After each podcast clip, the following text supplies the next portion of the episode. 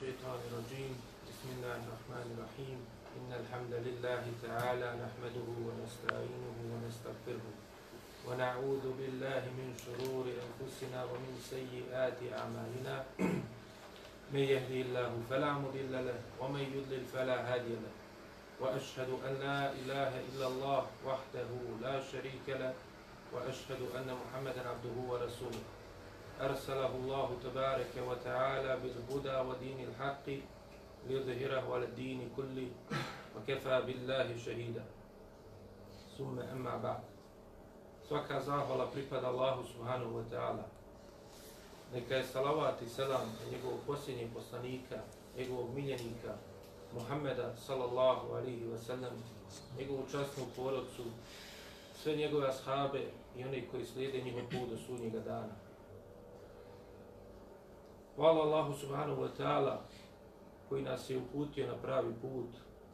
Hvala mu subhanahu wa ta'ala što nas je učinio od sljedbenika posljednjeg poslanika, pečata vjerovjesnika Muhameda sallallahu alaihi wa sallam. Kao što smo vidjeli prošli put, Allahu poslanik sallallahu alaihi wa sallam je bio najčasnijeg porijekla, najplemenitijeg. Ljudi koji su bili primjer u svome društvu po dobru i korisnosti za zajednicu u kojoj su živjeli u Mekiji njegov djed Abdul Mutalib i njegov pradjed Hašim, kao što smo vidjeli na primjeru ta dva čovjeka, vidjeli smo da su bili korisni i dobri za društvo u kojem su živjeli. Bili su jedni od naroda kojem su pripadali. Nisu se isticali nekom porijekom specifičnim kraljeve ili tome slično, nego porijekom koje se odlikovalo čistoćom i dobrotom. Kao što je i Ebu Sufjan, kao što se bilježi vjerodostojnim lancima prenosilaca, kada je došao kod Herakla, kao što bilježi ima Buhari i drugi, pa kada je ga Herakl, vladar Bizantije, upitao kakvog je porijekla kod vas Muhammed sallallahu alaihi ve sellem, a Ebu Sufjan zbog težine tog govora koji će izreći, i mjesta na kojim će ga izreći, nije smio da slaže, nego je bio iskren u onome što će reći. Kao što ćemo vidjeti kada dođemo do tog događaja, inšala. Pa kaže, rekao je da je Allahu poslanik, sallallahu alaihi ve sellem, poznatog porijekla kod njih, dobrog porijekla, časnog, zato što je pripadao toj jedno od najuglednijih kuća u Medini, u, u Mekiji, jedno od najglednijih porodica u plemenu Kurejišu, i dakle pripadao je svome narodu, bio je jedan iz naroda, od tog naroda. I pripadao je njima i živio je među njima. Pa je Allah subhanahu wa ta'ala odabrao za svoga poslanika čovjeka koji je bio od običnih ljudi, obični Allahovi robova, ali koji su bili primjer u tom vaktu i vremenu o kojem smo govorili da je bilo u njemu dosta loših stvari, pogani običaja. Njegovi porijeklo je od ljudi koji su se odlikovali time da nisu bili od tih koji su upadali u mnogi od tih stvari. Imali su, dakle, po, poštovanje u svome društvu, imali su čisto porijeklo, nisu bili prepoznatljivi po lošim stvarima. I zbog toga su bili predvodnici tog naroda u Mekki zbog svoje korisnosti i dobrote koju su se odlikovali među njima. Pa je bilo od Allahove mudrosti da ljudi vide da jedan takav, takvi ljudi koji su u takvom jednom teškom vaktu kada je opće društveno prihvaćeno bilo da se čine te loše stvari, oni su se klonili ti stvari. Pa tako i Allahu poslanik sallallahu alejhi ve sellem kao što ćemo vidjeti u njegovom životu prije poslanstva postaće vjera nasljednih svojih predaka u činjenju dobra i konjenju zla. Kao što smo spomenuli događaja dva velika koja se desila u životu Abdul Mutaliba. Prvi je bio, kao što smo rekli, ponovno iskopavanje i pronalazak izvora Zemzem. A drugo je bio događaj sa vlasnicima slona, Ebrahom i njegovom vojskom koja je propala i uništena od Allaha uzvišenog bez ikakve moći i snage kod stanovnika Mekke, nego Allahovom voljom i Allahovim čudom su spašeni i stanovnici Mekke, a i Kaaba od te zloje namjere koju je imao taj loši vladar Ebreha i oni koji su došli sa njim. Pa i jedan i drugi događaj su bili nagovještaji skore promjene velike društvene i na arapskom poluotoku, a i općenito na Dunjaluku. Nagovještaj da nakon toliko vremena se ponovo pronađe izvor zemzem i ponovo ljudi se koriste bereketom tog izvora kojeg je Allah podario da teče u toj pustinji, u tim teškim, teškom području za tako nešto, da bi bio bereket u njemu. Pa se i to, bio nagovi, i to je bio nagovištaj ponovnog jel, dobrote i bereketa koji će se vratiti tim ljudima. Također i zaštita Kjabe ukazala je na svetost tog mjesta i njegovu posebnost i da ti ljudi imaće priliku da ponovo se odazovu u pozivu kojim je krenuo i kojim je pozivao Ibrahim a.s. A to je poziv Tevhida, poziv u slijedženje vjerovjesnika i poslanika. Kada je uspio i završio se događaj sa kopanjem izvora Zemzem, kojeg je Abdul Muttalib dao da ga koriste svi stanovnici i svi oni koji dođu u Meku i da posjete Kjavu. on je vidio, jel, kao što smo vidjeli u događaju koji se pretvodio tome, vidio je svoju slabost, jer nije imao koga da ga pomogne. Pa da nije bilo Allahove volje da stanovnici i Mekke i ostali Kurešije prepoznaju ispravnost njegove odluke, ne bi imao ko da ga pomogne na tom planu i da mu pruži zaštu i da bude mu na usluzi da izvrši ono što je vidio da Allah uzvišen od njega hoće. Kako ga je nadahnuo, kao što smo spomenuli u snu, da iskopa ta izvor i da ga ponovo stavi na korištenje svim ljudima. Pa je on zavjetovo sa Allahu uzvišenom da će, ako mu podari deset sinova, jednog od sinova prinijeti kao žrtvu Allahu uzvišenom. Jer nije imao osim jednog sina u tom momentu. A kao što je poznato, kod Arapa je nešto najvrijednije bilo i da ima se dosta sinova. I to je bila stvar sa kojom se ponosili. Jer je to imalo praktičnu e, stranu u tome što su ti sinovi pomagali svoje očeve i koristili im da obavljaju svoje poslove i svoje dunjaločke potrebe. Pa je Allah uzvišeni dao doista Abdul Mutalibu da dobije deset sinova osmi sin po redu koji mu se rodio bio je Abdullah, koji će biti babo, otac Allahov poslanika Muhameda sallallahu alaihi wa sallam.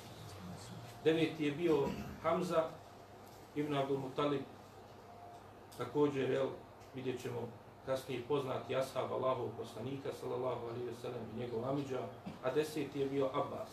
Pa je dakle po starini otac od Allahov poslanika sallallahu alaihi wa sallam osmi po redu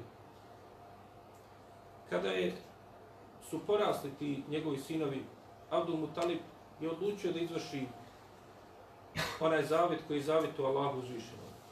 A to opet jel govori o kakvoj se ličnosti radilo, da je izvršavao ono što obećava, da je ispunjavao svoje zavite, iako je bio jedan takav težak zavet, da prenese kao žrtvu jednog od svojih sinova. Pa je odlučio po običaju džahilijeta koji je bio među njima, da uzme strelice kao gatke koje su koristili i napisao na svako od njih ime od jednog od svojih sinova i onda je dao čovjeku koji je bacao te strelice da vidi kojeg će od sinova prinijeti kao žrtvu. To je bio jel, kao vid pravde, da ne bi bilo nepravedno jednom od tih sinova, nego da takav način se izabere. I mnoge stvari su vezali za takav način gatanja, kao što jel možete vidjeti u knjigi Tevhida kad se govori o ovoj tematici i ovome pitanju sa strane šarijeta, ispravnosti i tako dalje. E, pa je Allah dao da strelica padne na Abdullaha. Onda je on odlučio da ode ipak i da ispuni taj zavet i da ga prenese kao žrtvu. Iako, kao što kažu istoričari, Abdullah je bio njemu najdrži od svih sinova. Posebno je njega bio zavolio. Ali je želio da ispuni zavet.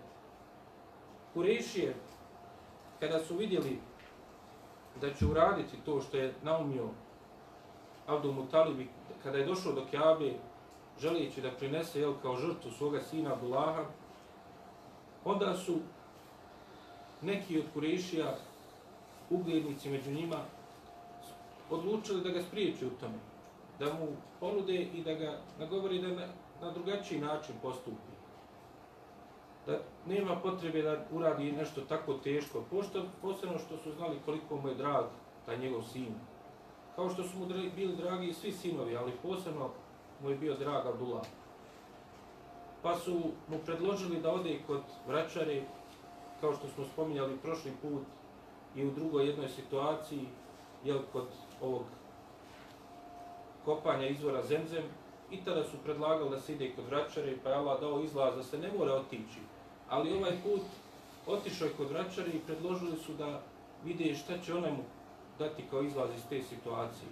A vraćare, jel, kao što je također spomenuto, su bile osobe koji nisu samo se bavile tim vraćan i tim stvarima, nego su predstavljali osobe koji su bile kao mudraci u tome društvu, u kojem nije bilo sudova i tome slično, kod koji se dolazilo da se izmire određene zavađene grupe ili pojedinci, da se dođe do nekih izlaza iz nekih teških situacija, poput ove nekih e, sporova i tome slično.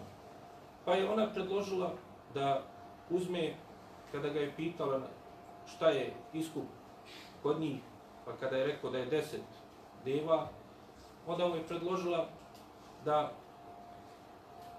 uzme deseti deva i svoga sina Abdullaha i da opet ode kod onoga što baca strelice i da napiše jel, na jednu ime svoga sina, a na drugu ti deset deva, pa da vidi gdje će biti bačeno. I ako bi bilo opet na njegovu sina, da onda još deset poveća deva, sve dok Allah ne bude zadovoljan za, sa njegovim iskupom za taj zavjet.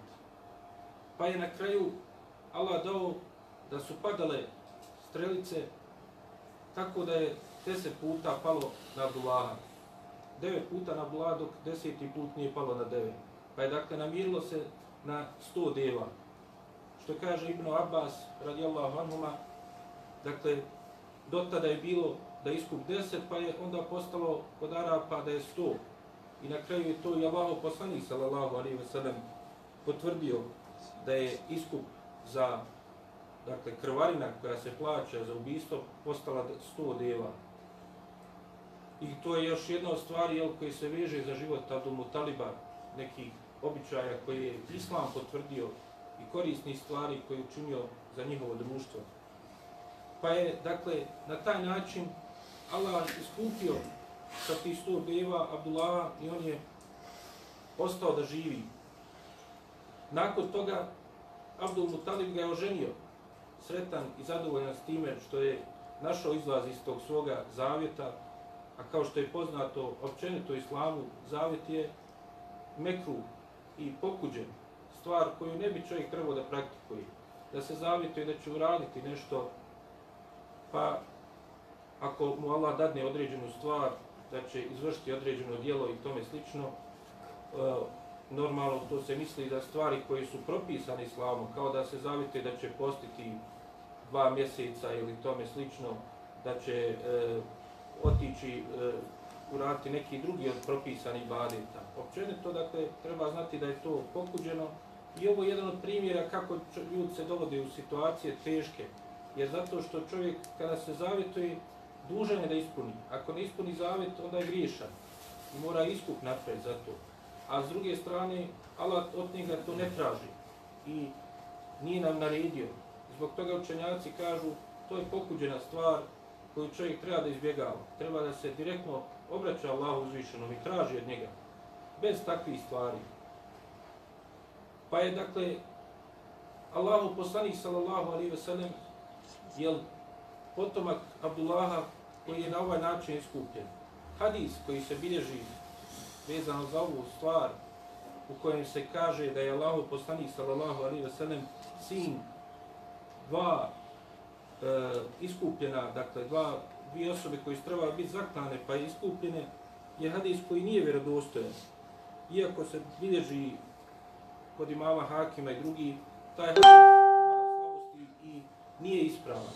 Iako je, dakle, na osnovu ovoga spomenutog za Abdullaha i onoga što je poznato da je ispravnije da je Ismail ali salam također bio onaj koji je trebao biti jel, prinesen kao žrtva, pa je Allah uzvišeni zamijenio ga sa kurbanom, dakle, sin Ibrahim ali salam i praotac Allahov poslanika Muhameda sallallahu alaihi ve sellem.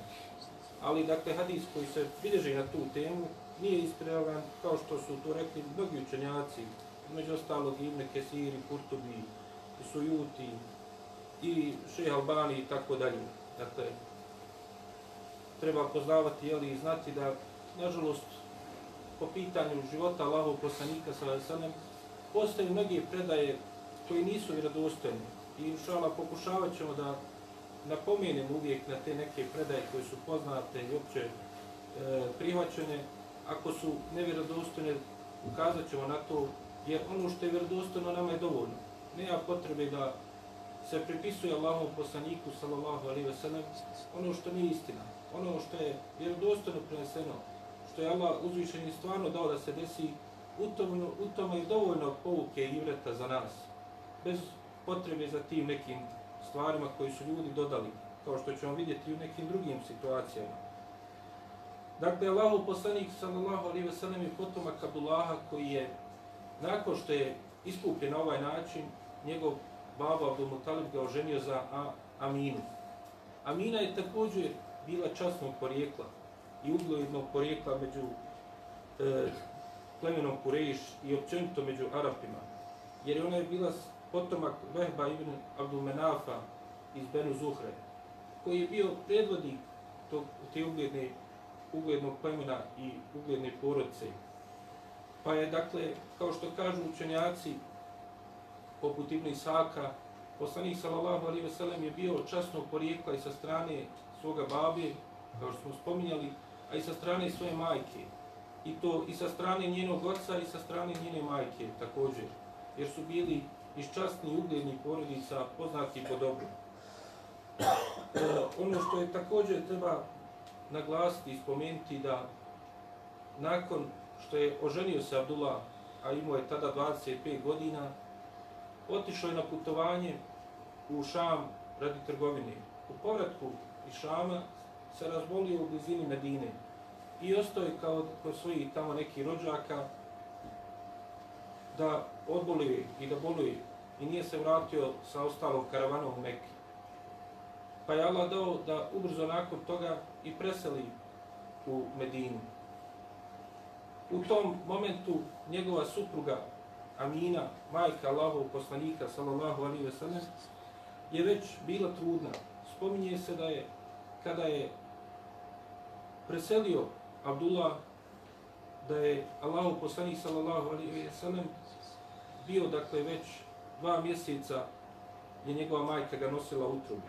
Iako ima oni koji kažu da je bio se Allahov poslanik, sallallahu alaihi ve sellem, rodio već, Da međutim, ispravnije je da je dakle, majka mu bila trudna i početku trudnoće, kao što spominju Ibn Kajim, Ibn Ketir i drugi učenjaci. Nakon toga treba reći isto da Abdullah nije ostavio mnogo u nasljedstvo Allahovom poslaniku, sallallahu alaihi ve sellem. I spominju da je ostavio samo pet deva i nešto malo ovaca i jednu robinju Umu Ejmen, koja će biti poslije imati veliku ulogu koju ime bilo u stvari Bereke, poznata kao Umu Eime, imat će veliku ulogu u životu Allahov poslanika, sallallahu alaihi wa sallam, kao što ćemo to vidjeti. Ali iz svega ovoga vidimo da je Allahov poslanik, sallallahu alaihi wa sallam, već svojim rođenjem bio jetim. Dakle, ostao je bez svoga babe. I ne samo to, dakle, nije ostavio neki veliki metak. Nešto vrlo skromno za to vrijeme od imetka je imao Allahu poslanik, sallallahu alaihi wa sallam. Zbog toga, jel, Allah uzvišeni u suri Duha i spominje Elem je džitke jetimen fa'ala. Jedna od odlika kojom je Allah uzvišeni odlikovao opet Allahov poslanika sallallahu alaihi wa sallam kaže zar te nismo našli kao jetima pa smo ti našli utočište utočište. Dakle, djed Allahov poslanika sallallahu alaihi ve sallam Abdul Mutalib će ga uzeti da ga on izdržaje. Kao što je, jel, kao što znamo, kao što smo spominjali, i Abdul Mutalib, vrlo mali, ostao bez svoga babe, pa je on bio kod svoga Amidže Mutaliba. Tako je Allahov poslanik, sallallahu alaihi ve sellem, je bio kod svoga djeda, pa jel, poslije vidjet ćemo i kod Ebu Taliba, svoga Amidžeja. To je velika pouka za vjernike i općenito ljude u tome što je Allahu poslanik sallallahu alaihi ve sellem svoj život počeo na takav način.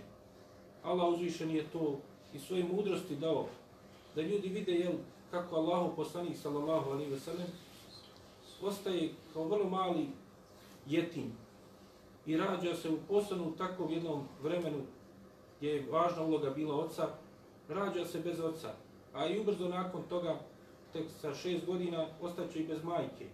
Pa dakle, vrlo brzo je odrastao i živio bez, bez svojih roditelja. I dakle, imao težak život, nelagan život i neugodan život sa te strane materijalne dunjavčke. I imao je dakle ta velika iskušenja, gubitka ti osoba koji su bile mu i kao što ćemo vidjeti kroz njegov život, jako drage i mile osobe koje on žalio za njima. Ali to je sve bila Allahova volja i Allahova mudrost da se ljudi mogu, kao što je i došlo u jednom od hadisa, da se sjete musibeta poslanika, sallallahu alaihi ve sellem, kao što se bilježi kod imama Ibn Mađe, da čovjek kada dođu te teške musibete, iskušenja, sjeti se svi musibeta kroz koje je prošao Allaho poslanik, sallallahu alaihi ve sellem. A najveći musibet od svih je smrt Allahov poslanika, sallallahu alaihi ve sellem. Gubitak Allahov poslanika, Muhammeda sallallahu alaihi ve sellem, je najveći gubitak za sve nas. Zato što je on došao sa uputom, došao sa istinom, došao sa svjetlom za sve nas. Zato što je bio najbolji čovjek. Zato što njega trebamo i moramo da volimo više nego što volimo i sebe i sve druge nama najmilije. Mora da nam bude najvoljenija osoba od svih ljudi. Allahu poslanik Muhammed sallallahu alaihi ve sellem. Dakle, godini slona Allahu poslanik sallallahu alaihi ve sellem se rađa. Dakle, nakon onog događaja što se desilo, kaže se možda dva mjeseca nakon toga, rodit će se Allahu poslanik sallallahu alaihi ve sellem. Amina će donijeti jel sina Muhameda. To se spominje da je bilo 570. godine po rođenju Isa ali i salam. Što se tiče dana u kojem se to desilo, treba znati da je vjerodostojno preneseno samo da je to bilo u danu ponedjeljka. Jer Allahu poslanik sallallahu alejhi ve sellem, kao što se bilježi kod imama muslima, rekao je i spomenuo da je to dan u kojem je on se rodio, da je to dan ponedljak i preporučuje da se taj dan posti I što kažu učenjaci, jel, to je jedina stvar koja je propisana da se radi u tome danu. Zato što je poslanik sallallahu alejhi ve sellem rekao samo spu spomenuo i nije niti naredio, niti zabilježeno, ni prenešeno da je Allahu poslanik sallallahu alejhi ve sellem ili bilo ko od ashaba bilo šta drugo od ibadeta radi u tom danu. A što se tiče tačnog datuma kada je to bilo, najpoznatije što je se istoričari koriste kao datum, spominju da je to bilo u mjesecu Rebiul Evalu 12. dana Rebiul Levola. U jom, dakle, danu ponedjeljka u godini slona. Kao što smo spominjali, jel, nazvana je godina slona zbog onog događaja i to je bio običaj Arapa da po značajnijim događajima obilježavaju i bilježe svoju istoriju. Dakle, deset godina nakon godine slona ili pet godina nakon godine slona ili deset godina prije godine slona, na taj način su bilježili svoje važne događaje. Ali što se tiče ovoga dana, 12. Rebiju Levola, ne postoji ništa vjerodostojno što nam potvrđuje da je stvarno Allahu poslanik sallallahu alaihi ve sellem rođen u tome danu. Dakle, hadisi koji se bilježe na tu temu i predaje koji su došle na tu temu nisu vjerodostojne. Spominje se, Ibn Kathir spominje predaju u kojoj se spominje da je Allah poslanik sallallahu alaihi ve sellem rođen 12. Rebiju Levola, no međutim taj lanac prenosilaca te predaje prekinut. Pa je između dvojice prenosilaca u tom lancu, Afana i Saida, spominje se da ima preko 100 godina dakle, razlike između smrti kada je umro Afan i kada je umro Said. Dakle, 100 godina praznine i nemogućnosti da su jedan od drugog čuli taj hadis. I tako i drugi hadisi. Učenjaci koji su istraživali pitanje kada je rođen Allahu poslanik sallallahu alejhi ve sellem, spomenuli su mnoštvo mišljenja po tom pitanju. Pa Ibn Nasiruddin Dimeški u svojoj knjizi Džamiju Athar Fisir wa Maulid il-Muhtar kaže da je spominju se mnoga mišljenja po tom pitanju. Prvo što se razilaze učenjaci uopšte u kojim je to mjesecu bilo. Jedni kažu da je to bilo u Rebiju Levolu, drugi su rekli da je to bilo u Ramazanu, treći su rekli da je to bilo u Seferu. Dakle, nisu se složili i nema jasnog dokaza ni koji potvrđuje da je to bilo u mjesecu Rebiju Levolu. Nakon toga oni koji kažu i, i smatraju da je ispravnije i bliže da je to bilo u mjesecu Rebiju Levodu, onda kažu i razilaze se po pitanju koji je to dan bio. Pa neki kažu da je to bilo 9. dana Rebiju Levoda, neki kažu da je bilo 12. dana, neki kažu da je to bio prvi ponedljak u mjesecu Rebiju Levodu i tome slično. Dakle, ne postoji jasni dokazi po tome pitanju. Što nas dovedi do jednog drugog pitanja, a to je ako nemamo jasan dan i datum kada je Allahu poslanik sallallahu alaihi ve sellem rođen, ako nemamo ni jednog hadisa, ni jednog dokaza da je Allahu poslanik sallallahu alaihi ve sellem na neki dan, na neki način svetkovo svoj dan rođenja, osim ovo što je spominuto po pitanju ponedjeljka, da je preporučio post taj dan, toga dana, ali također u tom hadisu istaklo i da je to dan ne samo u kojim je on rođen, nego i dan u kojem mu je prvi put objava došla. Ako vidimo da nakon toga ne postoji niko od ashaba koji su najviše voljeli Allahov poslanika sallallahu alaihi ve sellem i najviše ga slijedili. Ne postoji ništa što se prenosi od njih da su obilježavali taj dan na neki način i svetkovali ga. Niti da je to bila praksa za bilo koju drugu ličnost u njihovom vremenu, niti u drugoj generaciji, niti u trećoj generaciji muslimana se ne prenosi ništa po pitanju toga. Niti od četiri imama meseba se ne prenosi ništa po pitanju obilježavanja i svetkovanja dana rođenja Allahov poslanika sallallahu alaihi ve sellem. A dakle, Allahov poslanik sallallahu alaihi ve sellem, kao što znamo, Allah subhanahu wa ta'ala je s njim upotpunio vjeru i tražio je na oprosnom hađu od onih mase ljudi koji su došli, najbolji ljudi, ashaba, oni kojima je prenosio vjeru 23 godine, pitao je da, da ih posvjedoči, da li sam vam prenio vjeru pa su posvjedočili. Pa i je drugi put pitao, pa i treći put. I oni su svi posvjedočili da je Allah poslanik sallallahu alaihi ve sellem do, dostavio vjeru i potpunio poslanicu koja mu je bila povjerena. Pa je Allah uzvišen i onda zato posvjedočio. I rekao, el jeume ekmeltu lekum dinekom, u etmentu alikum ni'meti u raditu lekum l'islame dina. Danas, dakle u tom momentu, u danu petka džume, na, na, na hađu, u danu arefata, Allahom poslaniku, sallallahu alaihi sallam, na to časnom mjestu, mjestu arefata, u tom najboljem vremenu, najboljem vaktu, Allah uzvišen je posvjedočio i rekao danas sam vam upotpunio vašu i usavršio vašu vjeru i upotpunio prema vama svoju blagodat. I zadovoljan sam da vam vjera bude islam. Pa dakle, neminovno da je bilo iš, ikakvog hajra da se taj dan, dan rođenja Allahov poslanika, sallallahu alaihi wasallam, na neki način svetkuje ili obilježava, Allahov poslanik, sallallahu alaihi wasallam, nas obavijesti o tome. Ili to bi praktikovali ashabi koji su bili ljudi koji su najviše voljeli Allahov poslanika, sallallahu alaihi wasallam, i koji su najviše ga slijedili i koji su bili najbolji muslimani, nakon vjerovjesnika i poslanika nema bolji ljudi koji su hodali po zemlji od ashaba Allahov poslanika sallallahu alaihi ve sellem. Pa dakle, otkud i kako se desilo da se pojavi obilježavanje i praktikovanje mevluda Allahov poslanika sallallahu alaihi ve sellem. Učenjaci spominju da je dakle činjenica da nije bilo ništa od Allahu poslanika sallallahu alaihi wa sallam na tu temu. Da nije bilo ništa od ashaba, od tabiina.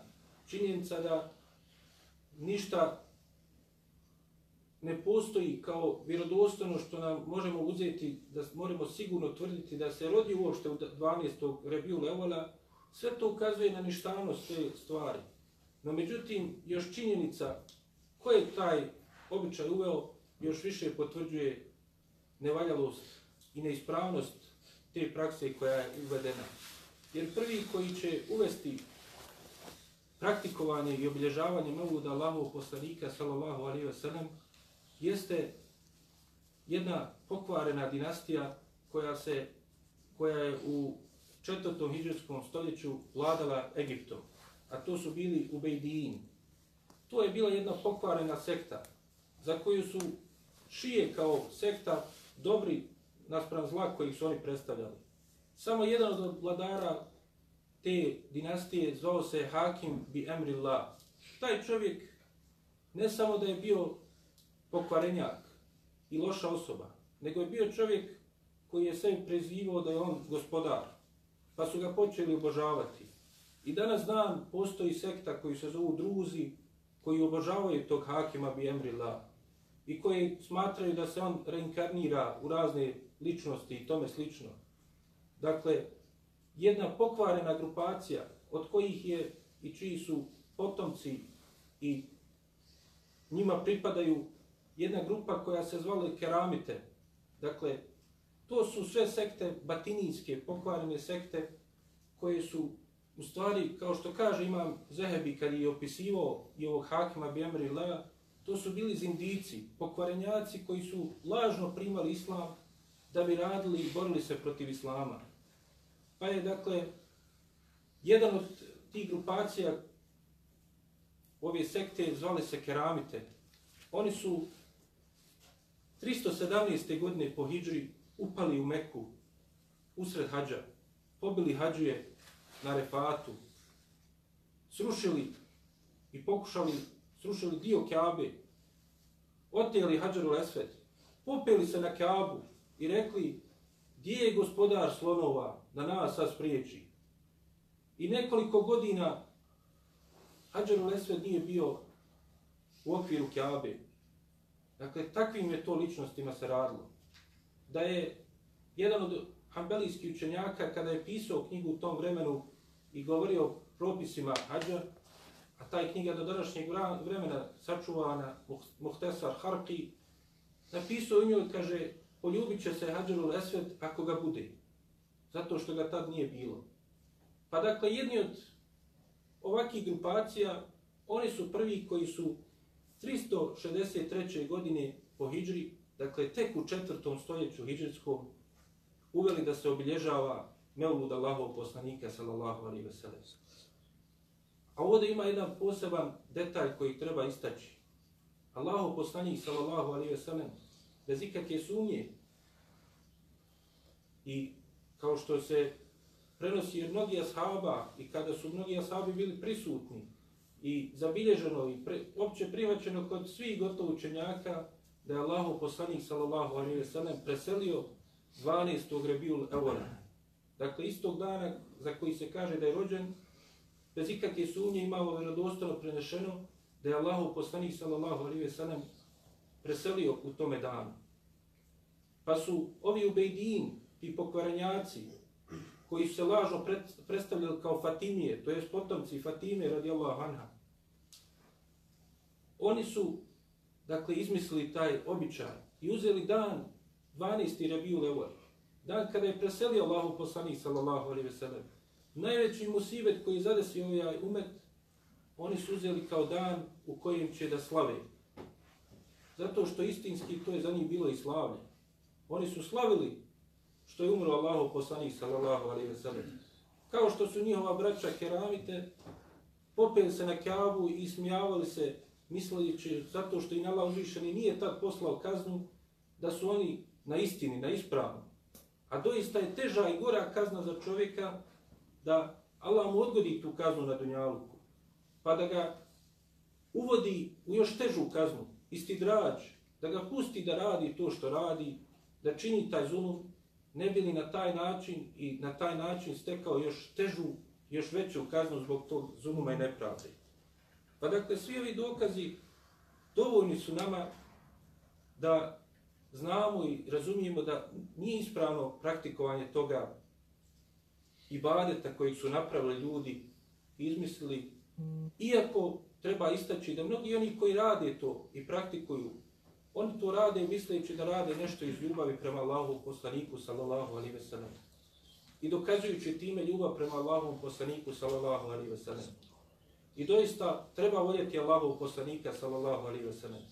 I ne treba negirati ljudima da oni doista vole Allahov poslanika sallallahu alaihi ve sellem.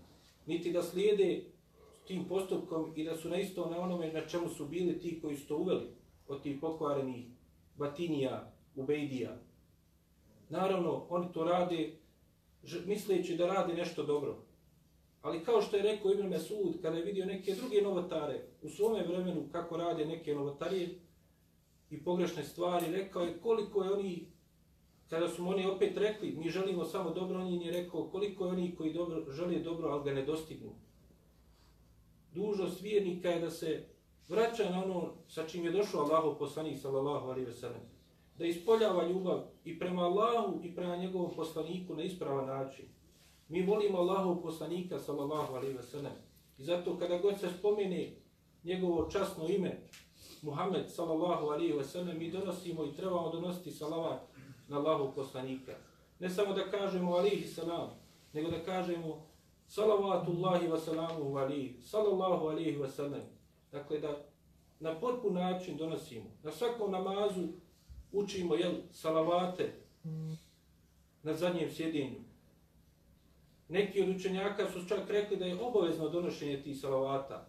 Od njih je, dakle, i učenjaci koji često prozivaju da su neprijatelji Allahov poslanika, sallallahu alaihi ve sellem zato što su govorili protiv Mevluda i tog izmišljenog običaja i ibadeta. Ali čovjek koji voli Allahov poslanika, sallallahu alaihi ve sellem on treba da zna da voli i treba da prije svega voli Allaha, subhanahu wa ta'ala. Allah uzvišeni nam kaže u Kur'anu Kul in kuntum tuhibbun Allahe fattabi'uni. Kaže Allahu poslaniku sallallahu alaihi ve sellem Reci i ko Allaha volite, mene slijedite. I doista je dovoljno u toj Allahovoj savršenoj vjeri, u potpunjenoj vjeri, koju je, kao što ćemo vidjeti, velike žrtve prednio, pri, podnio Allahu poslanik sallallahu alaihi ve sellem i njegove sahabi da bi je dostavili, u njoj je do, dovoljno za nas da toga se držimo i toga slijedimo. I da na takve načine kako su propisano islamu ispoljavamo pre, ljubav prema Allahu poslaniku sallallahu alaihi ve sellem. Ne možemo mi biti bolji i više željeti dobro nego što su željeli ashabi Allahu poslanika sallallahu alaihi ve sellem. Nakon toga treba spomenuti da su se desili neki ajeti, neki znakovi koji su ukazivali na veličanstvenost događaja rođenja Allahov poslanika sallallahu alaihi wa sallam. Mnogi od tih stvari koji se spominju kao znakovi da su se desili to vrijeme, moramo naglasiti da su, nažalost, nisu došli vjerodostojnim lancima prenosilaca i nisu nije ispravno ih potvrđivati da se stvarno desili. Spominje se da je kada se rađao Allahu poslanik sallallahu alejhi ve sellem da je izašla svjetlost zajedno sa njim iz utrobe njegove majke Amine. Spominje se u hadisu koji bilježi imam Ahmed ibn Hibban i Hakim da je Allahu poslanik sallallahu alejhi ve sellem bio poziv i, i, i dova koji je uputio Ibrahim alaihi selam i ono čime je obveselio Benu Israil, jevreje, Isa ali i salam. I da je njegova majka, kada ga je rađala, da izašla svjetlost iz nje, od koje su se obasjali govori u Šamu. No, međutim, taj hadis nije prenesen vredostojnim lacem prenosilaca. Ima u sebi slabosti. Iako ove dvije spominute stvari, da je on bio dova Ibrahim salam i da je bio, e, dakle, ta radosna vijest kojom je obveselio Benu Israile, e, Isa a.s. to je došlo u kuranskim ajetima ono što potvrđuje te stvari. Kao što je došlo jel, u suri Bekari i suri Saf, ajeti koji govori o tih stvarima. Također u drugom hadisu se spominje kod imama Hakima, također da je Allahu poslanik sallallahu alaihi ve sellem dova Ibrahim alaihi selam njegovog oca i da je radosna vijest Isa i da je njegova majka obasjala, izašla iz nje svjetlost koja je obasjala grad Busru u Šamu. Nažalost, i taj hadis je došao slabim lace prenosilaca. Pa to se ne može koristiti i ne smije se pripisivati da je doista to se desilo kada se rodio Allahu poslanik sallallahu alaihi ve sellem. No međutim, one stvari koje smo spomenuli od događaja sa vlasnicima slona, od izvora zemzem, su jel, prenesene nam vjerodostojno i to je dovoljan dokaz. Kao i što se spominje da je u momentu rođenja Allahov poslanika, sallallahu alaihi ve sellem, izašla zvijezda koja se pojavljivala samo kada bi dolazili vjerovjesnici i poslanici se rađali. Zvijezda koja je, kao što se spominje u hadisima, bila crvena, dakle specifična.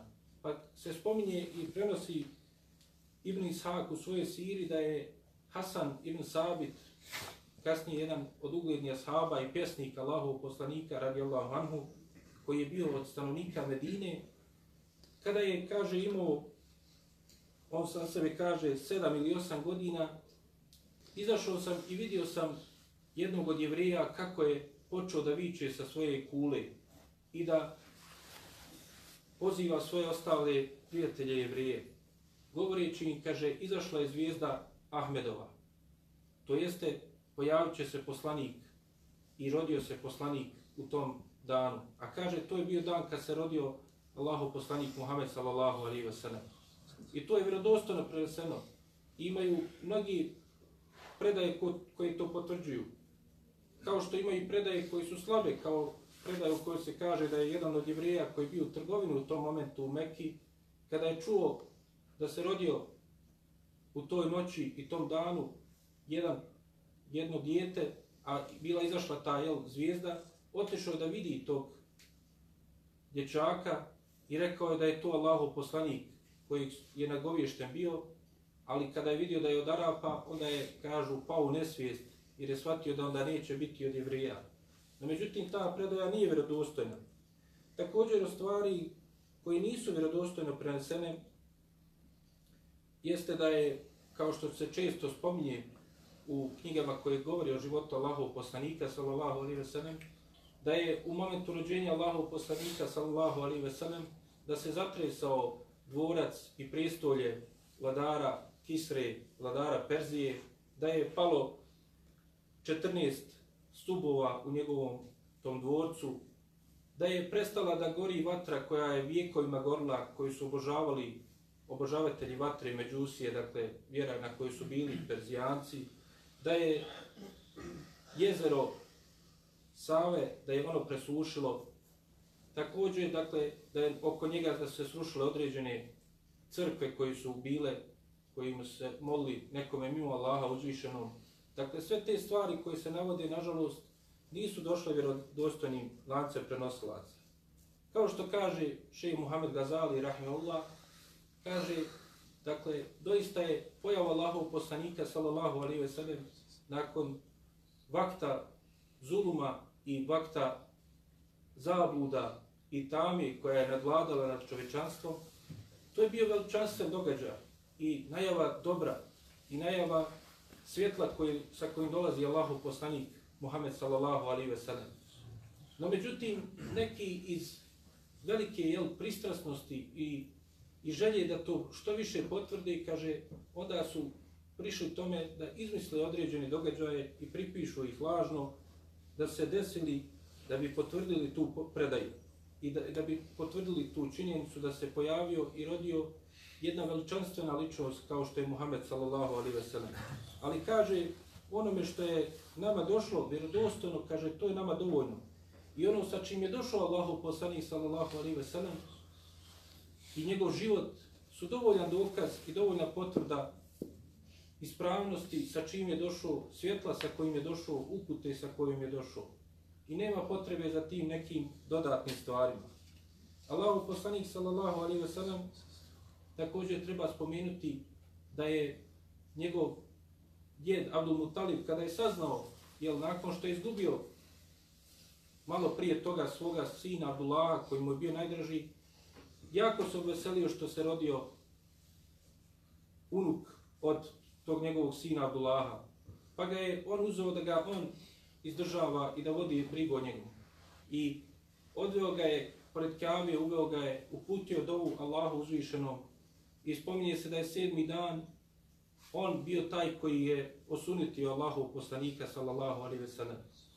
Također, jel, ono što se prenosi i spominje da je Allahu poslanik sallallahu alaihi ve sellem rođen osunećen ili da ga je Džibril alaihi selam osunetio, to nije vjerodostojno, nego je to uradio njegov djed Abdul Mutalib, koji je, kao što kaže Ibn Kethir, Allah ga je nadahnuo još i da je, kada je ušao u Kjabu i kada je donio Allahov poslanika Muhameda sallallahu alaihi ve sellem da ga tu osuneti i da uputi dovu za njega, Allah ga je nadahnuo da mu je dao ime Muhammed. Pa kada su ga pitali za to, kaže, želio sam da ga da bude hvaljen i zahvalan onome koji je iznad sedam nebesa, kao da bude hvaljen među ljudima. I doista je tako i bilo. Doista je takav i bio Muhammed sallallahu alaihi ve sellem. Iako je, dakle, prije toga to ime nije bilo poznato među Arapima.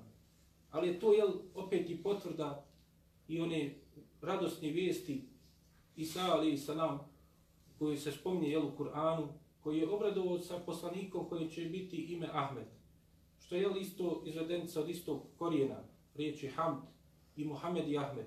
Pa je Allah poslanik sallallahu alaihi ve sellem na taj način došao na ovaj svijet i nagovijestio velike promjene i velike stvari koji će se dešavati nakon toga. Jer će on biti sirađom unira, bit će ta svjetika koja će svjetliti, bit će voditelj i upućivač na put Allaha subhanahu wa ta'ala, jedini ispravni put, na put dobra za ljude i čovečanstvo. Pa Allah uzvišeni je, dakle, i s onim što smo sve spomenuli, nagovijestio te velike promjene u društvu i nagovijestio veliko dobro koje je došlo sa Allahom i poslanikom Muhammedom sallallahu alaihi wa sallam. Ovdje ćemo iš Allah zastati pa ćemo sljedeći put nastaviti o životu Allahovog poslanika i njegove mladosti i djetinstvu. Nakon što je jel, ostao i bez svoga babe i bez svoje majke, kakav je bio život Allahovog poslanika sallallahu alaihi wa sellem, u tim godinama i šta se još sve dešavalo čudovati stvari u tom vaktu. Molim Allah subhanahu wa ta'ala da nas učini od onih koji iskreno, ispravno vole Allahov poslanika, sallallahu alaihi wa sallam, koji slijede njegov put. Molim ga subhanahu wa ta'ala da nas sačuva od svih zabluda i krivih puteva. Molim ga subhanahu wa ta'ala da nam poprosti naše grijehe i da nas se smiluje. Amin. Subhanahu wa ta'ala.